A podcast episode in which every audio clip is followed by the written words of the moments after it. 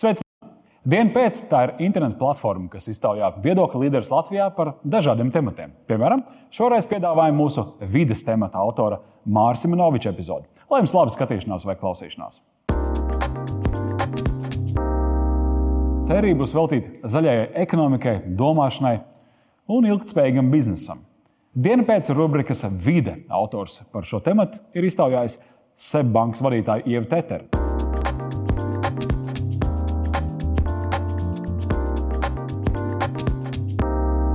Viņas pirmais darbs bija maizes ceptuvē, vēl laikā, kad viņa mācījās skolā.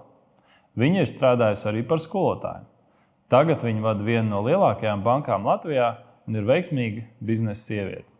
Šī būs mana saruna ar Ievu Teteru. Man šķiet interesanti uzrunāt Ievu jautājumā par bankas lomu klimata un vidas pārmaiņās. Ir dzirdēts, ka turpmāk bankas finansēs tos projektus un tos uzņēmumus, kurus spēs izpildīt noteiktus ilgspējas kritērijus. Līdz ar to bankai ir iespēja būt gan soļiem, gan partnerim. Ievas citāts būs pārmaiņas, un tām būs nepieciešami skarbi lēmumi. Ieva saka, ka bankas vien nespēs mainīt uzņēmēju domāšanu. Jāiesaistās ir visiem. Tad nu, arī mēs piemetam savus piecus centus un darām kaut ko sabiedrības labā.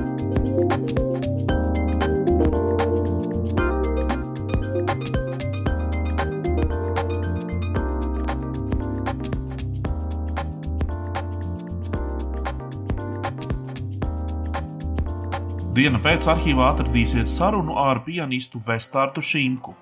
Viņš ir viens no retajiem viesiem, kuru intervējām nevis studijā, bet devāmies pie viņu uz mājām. Tas vēl bija pašā, pašā Covid pandēmijas sākumā, bet jau tad ar izcilu pianistu pārunājām attālināto uzstāšanos auditorijai. Sarežģīts jautājums, jo patiesībā es jau daudzus gadus esmu pieredzējis spēlēt it kā klausītājiem bez klausītāja klātbūtnes, proti, koncertu ieraksti. Tā ir viena lieta, bet studijas ierakstos. Un studijas ieraksti ir patiesībā tas pats. Ir sakarināti mikrofoni, klāt neviena nav. Un tomēr tu saproti, ka tas, ko tu tur spēlē, pēc tam tiks klausīts, un to klausīsies cilvēki. Un, un tur jāspēlē tiem mikrofoniem kā dzīviem cilvēkiem. Nu, tas eh, sākotnēji daudziem mūziķiem, arī man, es atceros, kad es veicu savus pirmos studijas ierakstus, tas ir ļoti mulsinoši. Ļoti, ļoti, ļoti. Nu, ir ļoti grūti sakoncentrēties bez klausītāja klātbūtnes un spēlēt mikrofoniem kā klausītājiem. Nu, līdzīgi šai pandēmijas laikā bija arī ar, ar, ar video kamerām.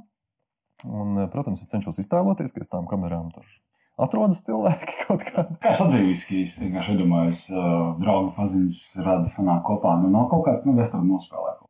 No. kas, ir, kas ir kā tavs darbs, un varbūt tu gribi atpūsties, un ir cilvēki, kas to Varbūt, ka tu te komunikācijā kļūst, kļūst rupšs. es nekļūstu rupšs. Es nekļūstu rupšs, es esmu pieņēmis to, ka Ziemassvētkos pieglīts vienmēr ir priekšnesumi. Tas ir šausmīgi. Jau no mazām dienām un nāca, nāca mums te rūķis vai saltēts Ziemassvētku vecītis, kurš nu, tur nāca un lika man nospēlēt tos skenderbiņus, ko es skolā esmu sagatavojis. Rokas trīc un drēb un uztraucies, es esmu šausmīgi un kaut ko tur jaucos. Labs rūdījums tieši tā. Vai Vestardam kāpjot uz skatuves ir uztraukums? Par to uzzināsiet, ja turpināsiet mūs skatīties.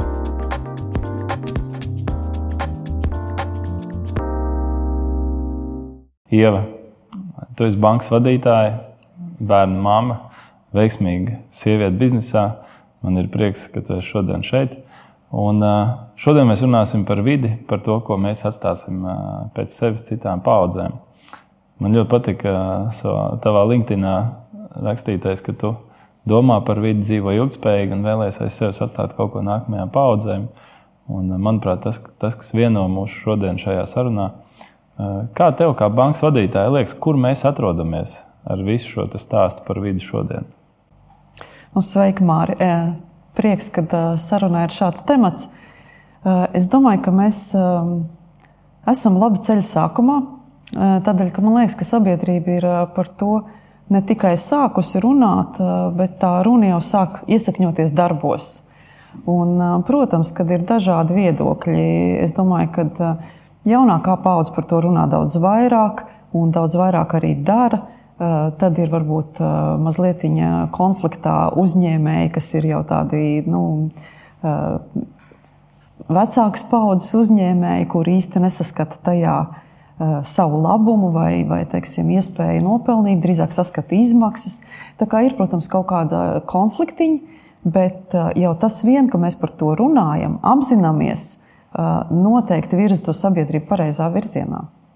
Kā tev mājās sarunā ar bērniem, kā viņi uztver šo vidas jautājumu, vai viņi ir spējuši spērt kaut kādus soļus tajā virzienā, lai tā vide, kurā viņi attīstīsies, būtu sakārtot?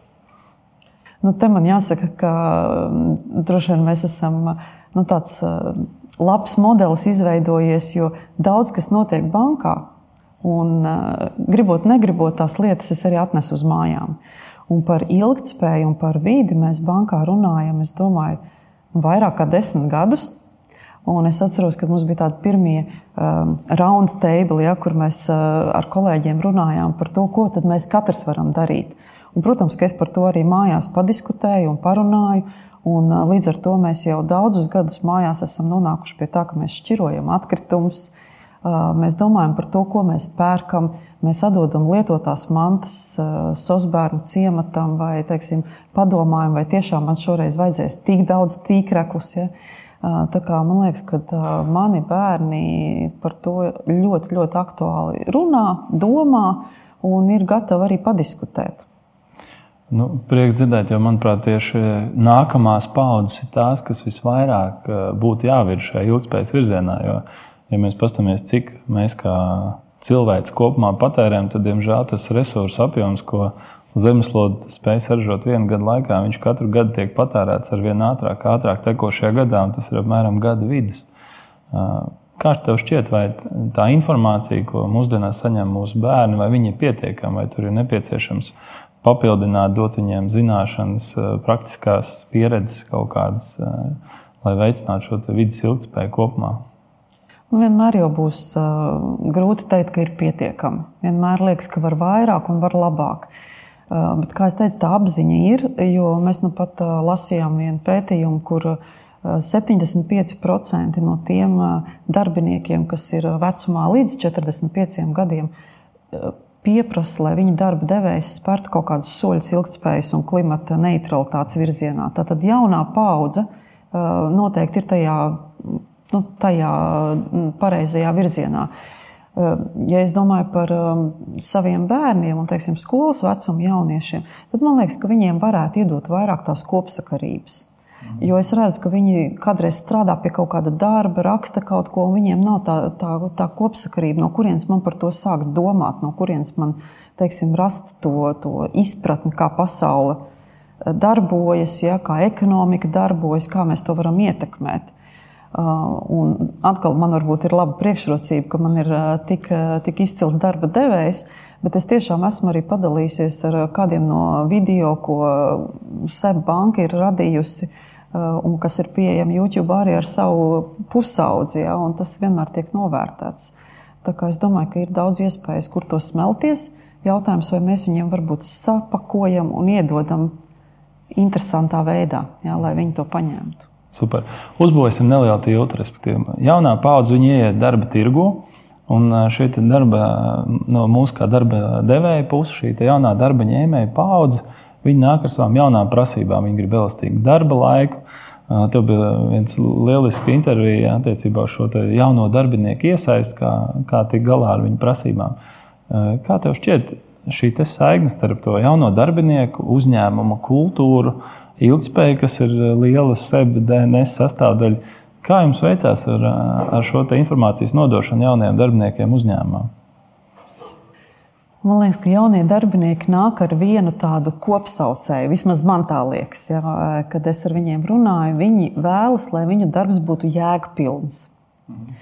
Es domāju par savu paudzi, un varbūt vēl mazliet vecākiem kolēģiem. Tad eh, vairāk darbs bija, lai es varētu nopelnīt sev iztiku. Jaunie nāk ar to, iedodiet man jēgpilnu darbu. Un tā jēgpilnā lieta varētu būt vide, ilgspēja. Es jebkādā gadījumā pievienoju kaut ko labu sabiedrībai.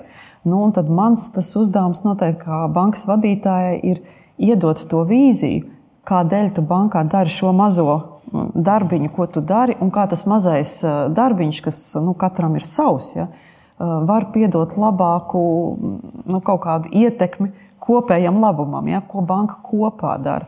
Mūsdienās ļoti būtiski arī mainās bankas loma. Jo faktiski bankas lielā mērā ir tā tādi vēstneši un uh, priekšzīme citiem uzņēmumiem. Ja es palasu to, ko dara SEPS ilgspējas jomā, nu, manuprāt, fantastiski. Jums ir gan ilgspējas stratēģija, gan ilgspējas politika. Kā jūs ar to visu dienu dienā tiekat galā, jo nu, dokumentu apjoms un tiešām kvalitāte ir ļoti augstā līmenī? Nu, droši vien, kad um, es esmu ļoti priecīga, ka man ir tāds akcionārs, jā, akcionārs kurš skat, skatās ļoti plaši, domā plaši un arī rīkojas drosmīgi un plaši.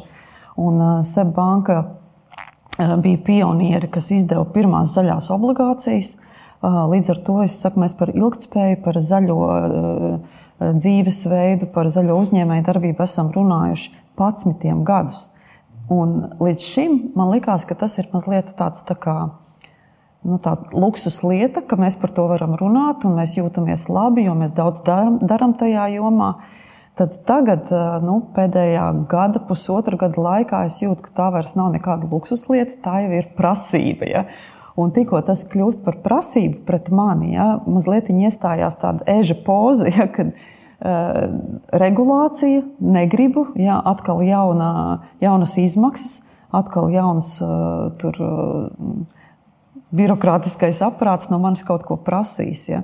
Un mēs tagad esam droši vien tajā brīdī, kad mēs cenšamies izvērtēt, vai tas, ko mēs līdz šim esam tos 11 gadus darījuši, ir pietiekami, vai mums ir jādara kaut kas vairāk, un kā varbūt to, ko mēs esam darījuši, sastruktūrēt tajā rāmī, ko tagad, teiksim, prasa Eiropa, Eiropas uh, centrālā banka, Latvijas jaunā likumdošana. Ja.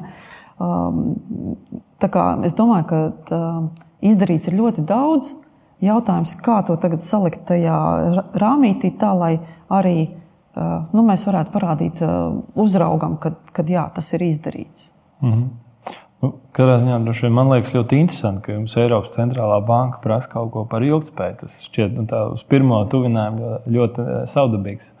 Uh, institūts, kas vispār varētu kaut ko tādu prasīt, varbūt var pastāstīt tuvāk, kas ir tās prasības, ko prasa no jums. Un tad arī parunāsim nedaudz vairāk par to, ko jūs dienā dienā darat šajā jomā.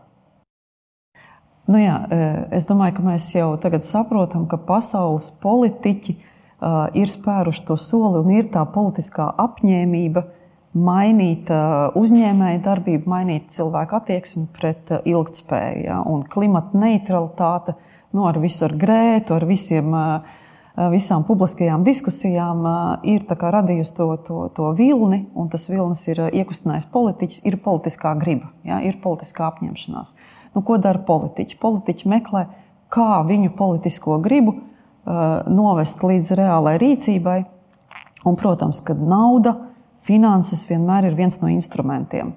Un gribot, negribot, uh, bankas ir tās iestādes, kuras to uh, finansējumu gan savāc no tiem, kam varbūt ir vairāk līdzekļu, gan arī dod un iegulda tur, kur varbūt tajā brīdī vajag ieguldījumu. Tā kā nu, tā finanšu plūsma, gribot, negribot, iet cauri bankām. Es redzēju Bloomberg aprēķinu, kur bija, kad aprēķināts, lai mēs sasniegtu Parīzes vienošanos, ja, tātad to 50% CO2 samazinājumu, ir jāiegulda 173 triljoni eiro. Globālais koprodukts ir 70, man liekas, 71 triljonus eiro. Nu, tātad mums ir jāiegulda trīs reizes vairāk, cik ir pasaules koprodukts, kas ir milzīgs finansējums. Un, protams, ka politiķi izmantos to iespēju palūgt bankām virzīt šo ieguldījumu pareizā virzienā, tajā, kurā politiķi to grib virzīt. Gribot, negribot, bankām ir jāuzņemās nu, tā misija, un tas varbūt kaut kādā ziņā arī tāds uzrauga, uzrauga rīcība, ja, kad skatīties, kā tā nauda tiek ieguldīta. Nu, lai to darītu, protams, ka Eiropas centrālā banka arī pieskatīs mūs, vai tad mēs uh, esam gatavi ieviest, uh, ieviest šo uh, naudas uzraudzību, naudas plūsmu uzraudzību. Ja? Nu, ja tas, tas, kas mums ir jādara, mums ir noteikti piemēram, tāda regula kā taksonomija, kas man liekas daudz tiek pieminēta, bet ir ļoti grūti saprast, kas tajā lielajā kastē ir iekšā un ko tas zilonis nozīmē. Taksonomijai ir seši mērķi. Viens ir mazināt vidas izmaiņas, tātad klimata izmaiņas, otrs ir pielāgoties klimata izmaiņām, ir ūdens un jūras tīrība un daudzveidība, ir bioloģiskā daudzveidība, ir atkritumu savākšana. Ja? Un visi šie mērķi kaut kādā veidā tiks mērīti. Un tā kā mums būs jāievēro šī taksonomijas mērīšana, un jāsaprot, ka mēs jau nemērīsim tikai savu nospiedumu. Mēs mērīsim, jo mūsu nospiedums no tā kopējās mūsu ietekmes ir tikai 5%. 95% ir mūsu klientu nospiedums. Vai es jau pierakstījies mūsu YouTube kanālā? Lai regulāri saņemtu jaunākās dienas pēc sērijas Lūk, kas tev jādara. Piespiedz subscribe pogu, tev vajadzētu būt te kaut kur. Un arī to zvaniņu, lai saņemtu atgādinājumu par jaunām epizodēm. Mēs apsolām, ka lieki netraucēsim. Seibanka jau vairāk nekā desmit gadus ir ievērojusi ilgspējas principus vidas jomā. Viņiem ir pat savs cilvēks katrā valstī, kurš ir atbildīgs par ilgspēju. Skaidrs ir viens: tiem uzņēmējiem, kuri nedomās par vidi, kredīti nākotnē būs dārgāki. Tāpēc jau tagad ir vērts lūkoties pēc dažādiem energoefektivitātes un citiem risinājumiem. Jā, transformācija uz jaunu domāšanu būs ļoti sarežģīta un dārga. Iespējams, pasaulē pat nav tik daudz resursu, lai mēs varētu šo transformāciju atļauties.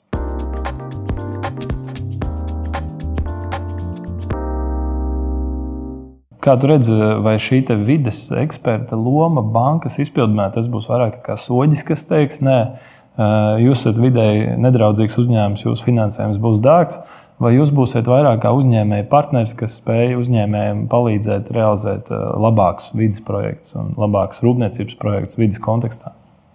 Mēs noteikti vienmēr būsim partneri. Tādēļ, ka mūsu pamata interese jau ir sadarboties ar uzņēmumu, lai mēs kopīgi varētu nopelnīt. Jo, ja mēs būsim soļus un uzņēmumam ies slikti, nu, tad arī mums nebūs iespēja nopelnīt. Ja? Mēs vienmēr ejam uz, uz sadarbību. Un, man liekas, ka šī brīdī mums arī jāsaprot, ka tā pāreja būs ļoti sarežģīta. Un uh, ir uzņēmumi, kuriem liekas, ok, es uh, nezinu, tirgojos ar um, IT ierīcēm, un līdz ar to tā mana ietekme uz vidi ir ļoti minimāla, jo faktiski tas viss ir par digitālo. Tas, tā kā, uh, neatstāja tādu lielu CO2 pēdu. Tāpat laikā arī šīs ierīces tiek transportētas, un mēs zinām, ka transporta nozare noteikti ir viena no lielākajām CO2 pēdas atstājējām. Ja? Šobrīd, diemžēl. Uh, jā, nu, bet tas, ko es gribu teikt, ka tā pārējai būs milzīgi komplicēta, mēs kā banka nevaram prasīt, ja teiksim, šodien uzņēmuma uh, pamatbiznesa būtu piemēram naftas tirdzniecība ka tas uzņēmums gada laikā pēkšņi visu savu apgrozījumu nomainītu no naftas tirdzniecības uz kaut ko ļoti zaļu. Nu, tā droši vien nenotiks. Tas, ko mēs gribam redzēt, ka šim uzņēmumam ir vēlme mainīt un vēlme rast risinājumus. Un tad mēs varam būt finansētājs tiem risinājumiem. Tā ļoti daudz tiek runāts arī par šo green funding. Varbūt var pastāstīt vairāk, kas ir šis green funding un kā cilvēkam, kas kaut ko grib sākt darīt un domā par šiem visiem buzzwordiem, kas ir tas green funding un kā viņš var palīdzēt parastiem Latvijas uzņēmējiem. Ir ļoti daudz un dažāds tas zaļais finansējums. Jā. Ir zaļās obligācijas, ir zaļie kredīti, ir um, zaļajam piesaistīti kredīti, jā, kas ir mazliet savādāk. Ja mēs runājam par tādu klasisku zaļu obligāciju vai klasisku zaļu kredītu, tad mēs gribētu redzēt, ka tieši šī, šis finansējums tiek novirzīts projektam, kas uh, radīs uzņēmumā, nu, samazinās CO2 nospiedumu, teiksim, vienkāršotiem vārdiem. Ja? Tad, tad, uh, tikai tam vienam mērķim. Uh, bet tad mēs esam izveidojuši to jauno produktu, kas ir zaļajam piesaistīts uh, kredīts. Kad mēs sakām, ka to naudu var izmantot visā uzņēmē darbībā, uh, bet uzņēmums pats nosaka, ko viņš ar to naudu sasniegs. Un te ir labs piemērs tas depozīta iepakojuma sistēmas, kur mēs iedavām finansējumu, un finansējums nosaka, ka uzņēmums sasniegs pirmo mērķi, manuprāt, tur bija 77% atgrieztā, atgrieztā iepakojuma, un tad tālāk jau bija 90% atgrieztā iepakojuma. Ja šie mērķi ir izpildīti, tad uh, savukārt finansējums kļūst lētāks. Ja? Nu, tā kā tāda apusēja motivācija. Bet tas pirma, pirmais jau droši vien, kad pašam uzņēmumam ir jānosaka kaut kādi savi mērķi. Un, lai tu noteikti savus mērķus, droši vien primāri vispār saprast, ko tu vari izmērīt un kas ir tas, uz ko tu gribi virzīties. Nu, kaut kādi mazie soļi, jāsāk kaut kas rēķināt, mērīt. Jā. Būtībā rezumējot to, ko tu sāki, arī mazajiem uzņēmumiem šīs ilgspējas stratēģijas būs jāizstrādā. Tas viss sākas ar benchmarking, saprotot, kur uzņēmums ir šodien, kur viņš grib sasniegt kaut kādus mērķus nākotnē. Kā tev šķiet, skatoties uz Latvijas uzņēmējdarbības vidi kopumā, vai jūs esat jau šobrīd gatavi izvērtēt uzņēmumus šādā kontekstā, ja, jūs vēl vien esat gatavi konsultēt, palīdzēt viņiem nonākt līdz kaut kādām ilgspējas stratēģijām, līdz šim benchmarkingam. Kāda ir tava pozīcija šajā jautājumā? Par tiem ieguldījumiem, par tiem fondiem, jā, tur jau ir ļoti daudz pētījumu, un es diezgan daudz esmu redzējis to skaitli desmit, kad principā zaļās investīcijas, zaļie fondi, jā, tādi klimata neitrālie fondi noteikti varētu būt par 10% ienesīgāki, kad investori ir gatavi maksāt, maksāt vairāk. Bet par tiem uh, uzņēmējiem un par to vērtēšanu. Mēs esam daudz izdarījuši tajā jomā, ka mēs faktiski tām pirmajām industrijām, kas ir ar lielāko CO2 nospiedumu, mēs esam veikuši jau tādu nu, globālu izvērtējumu un paskatījušies, kā, tās, kā tie flagmaņi tajās industrijās strādā, ko viņi ir izdarījuši salīdzinājumā Eiropa, pasaule, ja, Amerika. Un mēs esam gatavi iedot Latvijas uzņēmumiem tajās industrijās to vērtējumu, kā tas izskatās kopā. Nu, pieņemsim, ja tā būtu koku apstrāde, mēs varam iedot, teiksim, paskatīties, kā citi līdzīgi uzņēmumi to dara, ko viņi mēra un ko viņi ir sasnieguši. Līdz ar to mūsu uzņēmumi var izvēlēties. Ok, es redzu, ka teiksim, tur um, Skandināvijā koku apstrādē tiek mērīts šāds uh, rādītājs Eiropā tāds, un varbūt tur uh, Ziemeļamerikā vēl kaut kas. Un var salīdzināt un paskatīties, kas labāk der mūsu uzņēmumiem. Tā būtu tā konsultācija joma. Ja? Uh, un tad ir jautājums, vai mēs jau varam sākt vērtēt katru uzņēmumu Latvijā. Es domāju, ka īsti vēl nē. Un tas, kas ir ļoti nepieciešams, ir vajadzīga valsts iesaiste. Jo ļoti daudz lietas mēs varēsim mērīt tikai tad, ja mums būs valstī pieejami dati. Nu, pieņemsim energoefektivitāti. Ja man šodien mans uzraugs saka, lūdzu, iedod savu ķīlu, ja, tā kā visu kredītu portfeļu ķīlu, energoefektivitātes novērtējumu, man droši vien būtu jābūt spējīgai aiziet pie valsts datubāzes un paņemt tos datus par tām ķīlām, kas ir manā portfelī, un novērtēt, cik man ir energoefektīvs mans ieķīlētais portfelis. Šodien nav man tādas iespējas. Bet droši vien jārēķinās arī ar to, ka bez nodokļu izmaiņām arī šis grūdienis pareizajā virzienā nebūs iespējams. Jo domāju, bankai tomēr ir pa īsu tas uh, rokas uh, garums, lai varētu ietekmēt procentu likmi un motivēt uh, šo uzņēmēju sākt domāt ilgspējīgi. Es domāju, jā, man liekas, ka tas, tas kopējā transformācija būs ļoti dārga. Un, To jau visi apzinās. Un tieši tāpēc ir ļoti grūti pieņemt tos skarbos lēmumus. Jo jautājums būs, kur mēs radīsim to finansējumu, lai to transformāciju iekustinātu. Vai mēs tādēļ celsim nodokļus? Nav ļoti populārs lēmums. Ja? Vai tādēļ teiksim, būs kādi citi stimuli? Nu, parasti tie, tie dārgie projekti nav, nav viegli un, un nav tādi ērti lēmumi politiķiem. Kā tev pašai šķiet, vai mēs neesam jau drusku pat tālu aizspēlējušies nu, šajā ekonomiskajā izaugsmē, resursu patēriņā, ka nav vairs tāda īsta ceļa apakaļ uz ilgspējīgu resursu patēriņu? Es uh, gribētu piekrist, ka mēs esam pat tālu aizspēlējušies, bet no otras puses, atkal, uh, nu, pat ja tas tā ir, kaut kur ir jāsāk. Ja? Nu, mēs nedrīkstam nolaist rokas un teikt, piedod, nu, ir pat tālu, tad ejam, ejam tik uz priekšu un uh, neko nemainam. Tā kā man liekas, ka pat ja tas tā ir, mums kaut kur ir jāsāk darboties. Kā tev liekas, vai mēs neesam arī brīžiem tādās tā kā lamatās, ka šķiet, šis ir ilgspējīgs risinājums, bet ja mēs paskatāmies viņu no tādas plašākas perspektīvas, viņš tikai vizuāli ir ilgspējīgs risinājums. Nu, tas ir tas lielais izaicinājums, jo es saku, tā transformācija uh, pirmkārt uh, būs dārga, otrkārt ļoti sarežģīta, jo viņa ir komplicēta. un katra industrija ar katru saso, sasaistās kopā, un kurā brīdī teiksim, ir tie risinājumi pareizie, ir ļoti grūti pateikt. Kaut kādā brīdī varētu būt, ka pietrūks resursi, ja mēs pareiķināsim, vai mums visiem vajadzēs elektroautorātu. Ja?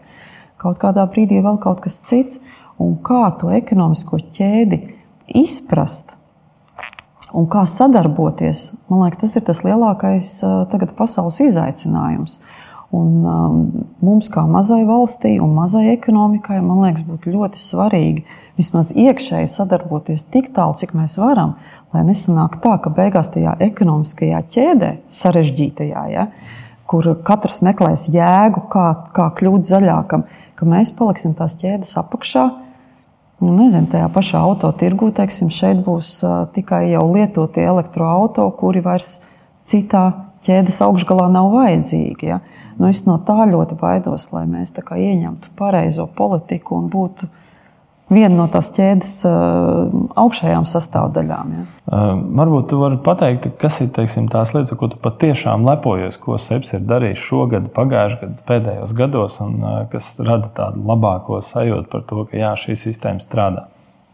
Nu, es domāju, ka es vienmēr esmu ļoti lepna ar saviem darbiniekiem, un tāpēc man ļoti gribās paslavēt to, cik daudz mēs paši esam mācījušies un cik daudz mēs esam apguvuši ik viens darbinieks, jo mēs esam devuši iespēju saviem darbiniekiem mācīties caur jaunu platformu. Ja? Tas, Covid laiks ir daudz ko mainījis arī mūsu dzīvē. Mums ir izveidota grupas līmeņa mācību platforma, kurā jebkurš cilvēks var iet un sameklēt sev vajadzīgo jebkurš darbinieks tur var eh, mācīties arī to, kas ir obligāti jāmācās, lai tu bankā strādātu. Ja? Un saturs ir visdažādākais. Gan Latvijā veidots, gan Baltijā veidots, gan Zviedrijā veidots, gan arī mēs pērkam un sadarbojamies ar um, starptautiskām universitātēm, lielām teksim, līderības organizācijām. Līdz ar to var mācīties nu, maksas saturu, ja, kas ir varbūt ļoti nu, piesātināts un, un nāk no, tur, nezinu, piemēram, no kādas universitātes, vai arī teiksim, mūsu iekšējās lietas, iekšējās lekcijas. Ja. Mēs esam ļoti daudz ko darījuši, pieaicinot lektorus, to saturu ierakstot, iedodot pēc tam klausīties darbiniekiem.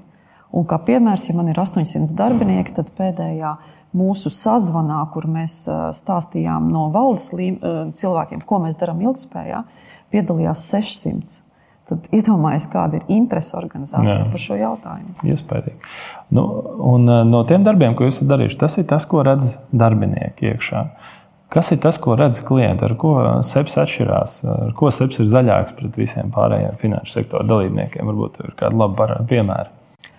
Nu, viennozīmīgi ar uh, zaļajām obligācijām un ar zaļajiem finansējumiem. Uh, Jo to mēs esam darījuši jau vairāk kā desmit gadus. Līdz ar to tā pēda mums tur ir un mums ir zināšanas, kā to darīt.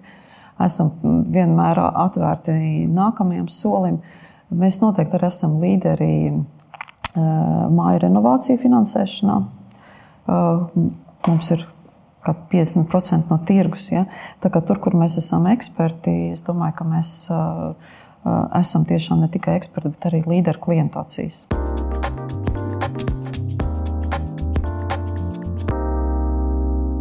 Man iedeva pārliecība, ka banka var palīdzēt tiem uzņēmumiem, kuriem vēl nav līdz galam skaidrs, ko tieši darīt.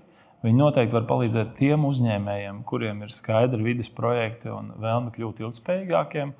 Un man kļuva arī pilnīgi skaidrs, ka finansējums neilgspējīgiem uzņēmumiem nākotnē būs ļoti, ļoti dārgs. Es domāju, ka jebkurš uzņēmējs no SEB bankas var mācīties to, ka ilgspēja tas ir nevis vienreizējs pasākums, bet tas ir pasākums, kuram ir jākļūst par jebkuru uzņēmuma DNS sastāvdaļu. Tas ir katra vadītāja uzdevums izlemt, pieņemt attiecīgos izlēmīgos lēmumus, kā šī ilgspēja integrējas katra uzņēmuma stratēģijā, katra uzņēmuma ikdienā.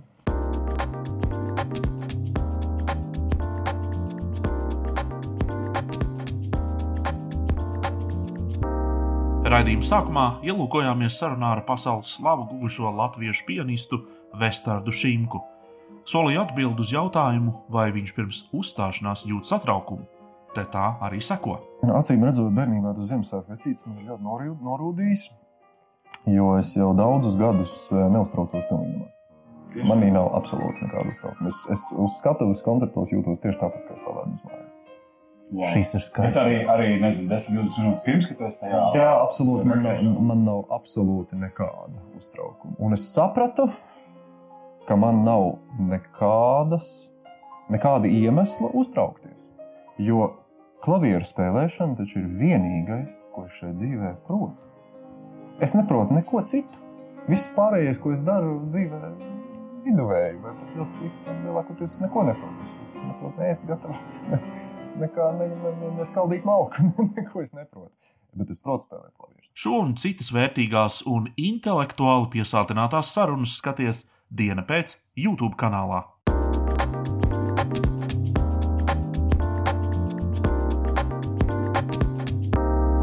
Jūs varat mūs atbalstīt, dodoties uz mājaslapu patreon.com un sameklēt dienas pēc profilu.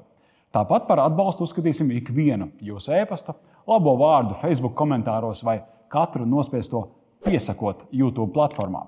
Dāmas un kungi, šīs sērijas autors bija Mārcis Simonovičs, redaktors Kristaps Petersons, operatori arī šobrīd aiz kamerām Artūrs Liepiņš un Mihails Safronovs, un pie montāžas Edgars Eglītis. Taču mans vārds, kā parasti, Oskars Priedis.